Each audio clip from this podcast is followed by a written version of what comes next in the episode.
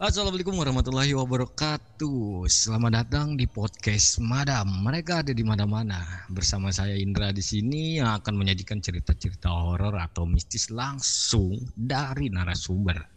Sebelumnya terima kasih ini buat kalian para pendengar setiap podcast Madam yang sudah mendengarkan episode-episode yang ada di podcast Madam.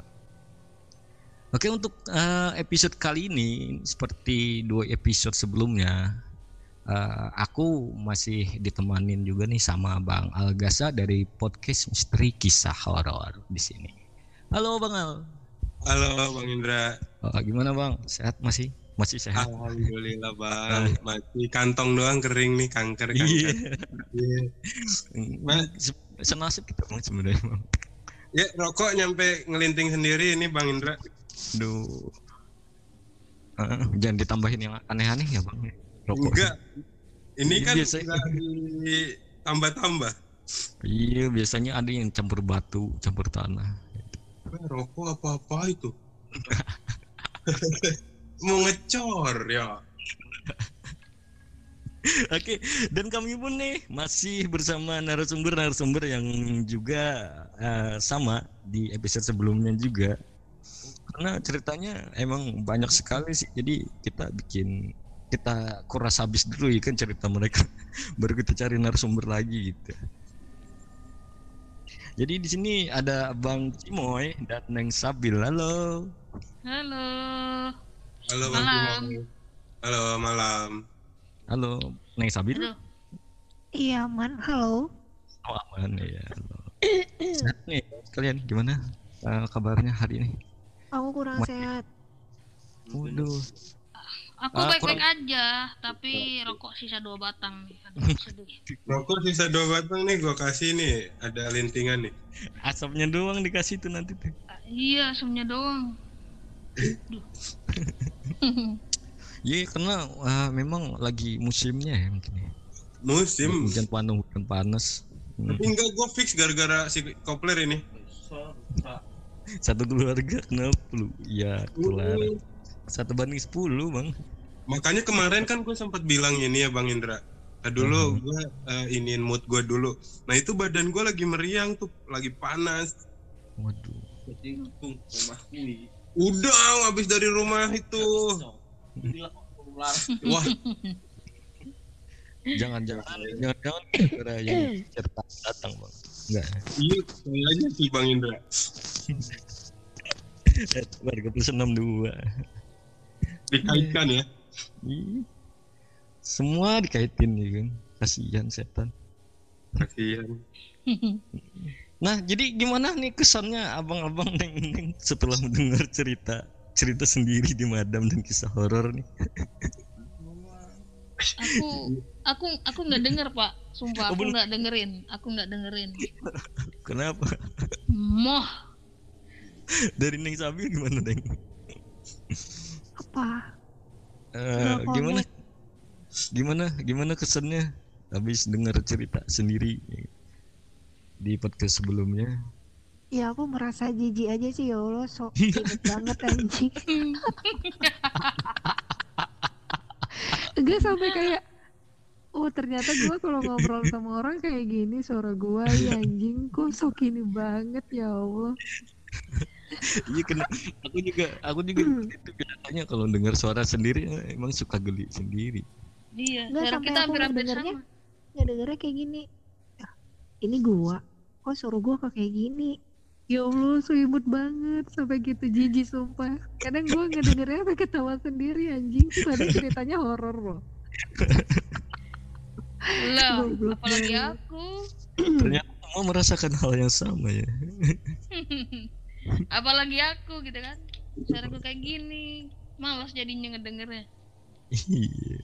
Oke, uh, sebelum kita mendengarkan cerita dari para narasumber kita, Bang Cimoy dan Neng Sabil, ini buat kalian para pendengar setiap podcast Madam maupun podcast misteri kisah horor, kalian juga bisa sharing cerita pengalaman horor kalian atau orang sekitar Nah, kalian bisa DM di Instagram @indak808 dan dari Bang A? Uh, bisa DM Instagram di official kisah horror sekalian akun pribadi gue itu pentol ke pentol. Nah, jadi bebas nih mau kirim ke mana ya kan? Iya. Mau kirim ke semua juga nggak apa-apa. Ya, insya Allah pasti kami penuhin. Iya benar, insya Allah ya. Ya, Oke, baiklah. Nah, sepertinya nih para pendengar udah nggak sabar nih untuk mendengar cerita dari narasumber kita. Kalau gitu langsung aja tengok kanan kiri, pastikan kalian benar-benar sendiri. Karena mereka ada di masalah.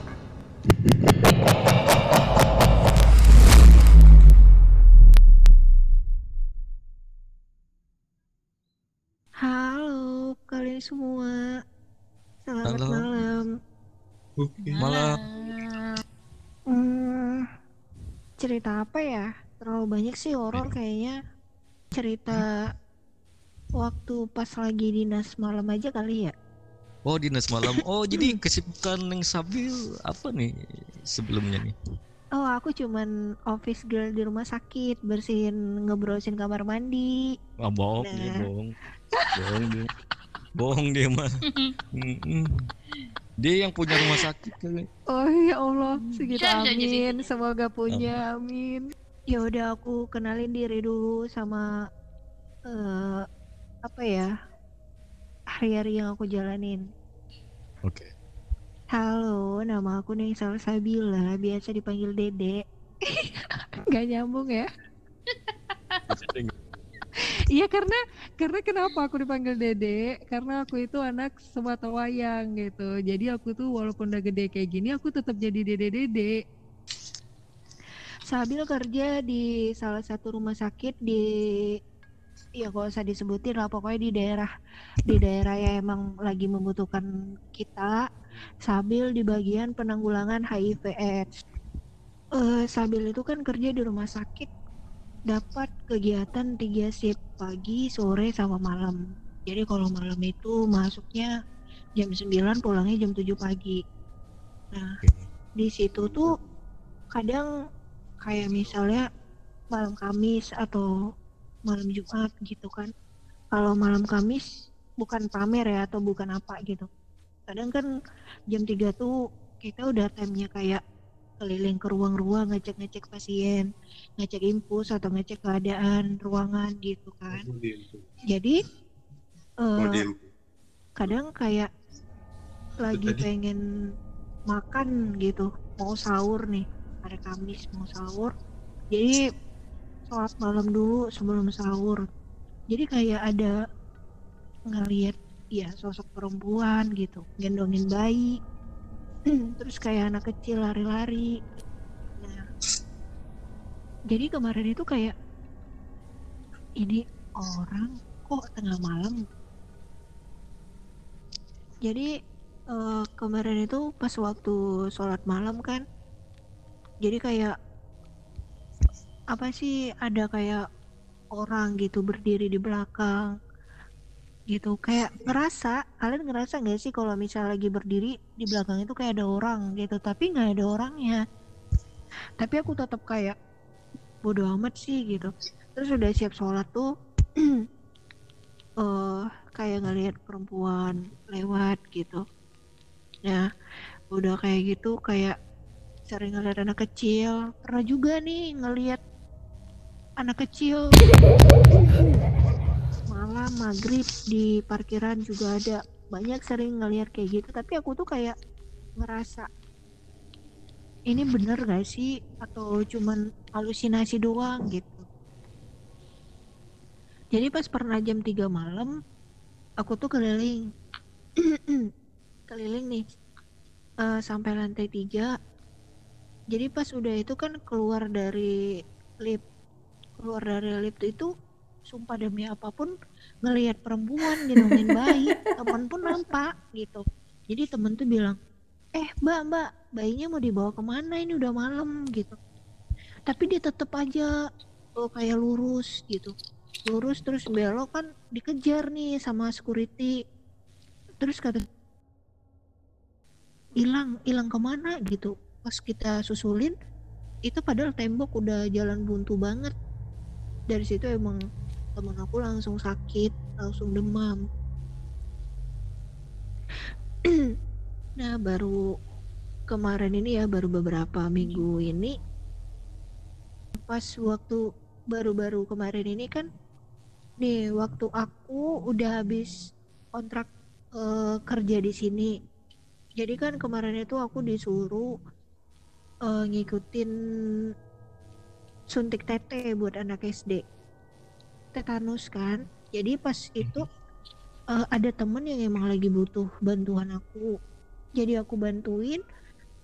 Jadi pas malam itu aku di RS di RS itu aku lagi nyiapin data semua nganu laptop gitu. Jadi pas nge ngebuka laptop itu nggak tahu kenapa ya pengen pergi ke ruang gizi ruang gizi itu kan kayak dapur kayak tempat makanan gitu. Jadi pengen ngambilin buah. Ngambil buah itu sumpah demi apa pun ya pisaunya itu ada darahnya loh. Pisau itu dalam mangkok dalam mangkok khusus pisau. Kecuali kalau misalnya emang di situ banyak darah atau tempatnya ada darah pasti pisaunya semua kena darah gitu kan. Tapi ini enggak pisau yang aku pegang itu ada darahnya. Nah udah kayak gitu nggak berani dong nggak jadi gitu kan. Nah pas sudah keluar dari ruang gizi itu nggak tahu kenapa aku tuh kayak oh pengen ke ruangan. Ada di sini salah satu pasien yang emang udah empat tahun di RS ini ya eh, nggak bisa keluar dari RS ini karena nggak bisa ngebiayain terus keluarganya nggak mampu. Jadi ditanganin sama orang rumah sakit sini. Jadi dia kalau malam itu suka kayak uring-uringan sendiri umurnya itu udah 21 tahun. Jadi aku tuh nggak tahu kenapa masuk ke ruangan dia berdua temen terus dia ngomong kayak gini uh, ibu suster ibu suster nanti jodohnya nggak orang kaya orang sederhana tapi ibu suster bisa nerima dia katanya kayak gitu. Terus tapi nanti kalau ibu suster bisa nerima dia ibu suster hidupnya bakal makmur dia ngomong gitu kamu ngomong buat siapa? kata temen aku. Ini buat ibu suster yang cantik ini dia nunjukin aku. Oh iya sayang makasih banyak amin aku gitu. Terus eh, dia langsung jerit langsung jerit bilang jangan jangan deketin ibu suster aku. Dia baik katanya kayak jangan diganggu. Katanya kayak gitu kan terus aku tuh sampai kayak takutan sampai ketakutan ada siapa nggak ada siapa-siapa nah jadi kan Bu Suster awas, Bu Suster mau dicekiknya katanya. Aku langsung Nantikan kelanjutan cerita di episode selanjutnya. Hanya di podcast Madam. Mereka ada di mana-mana.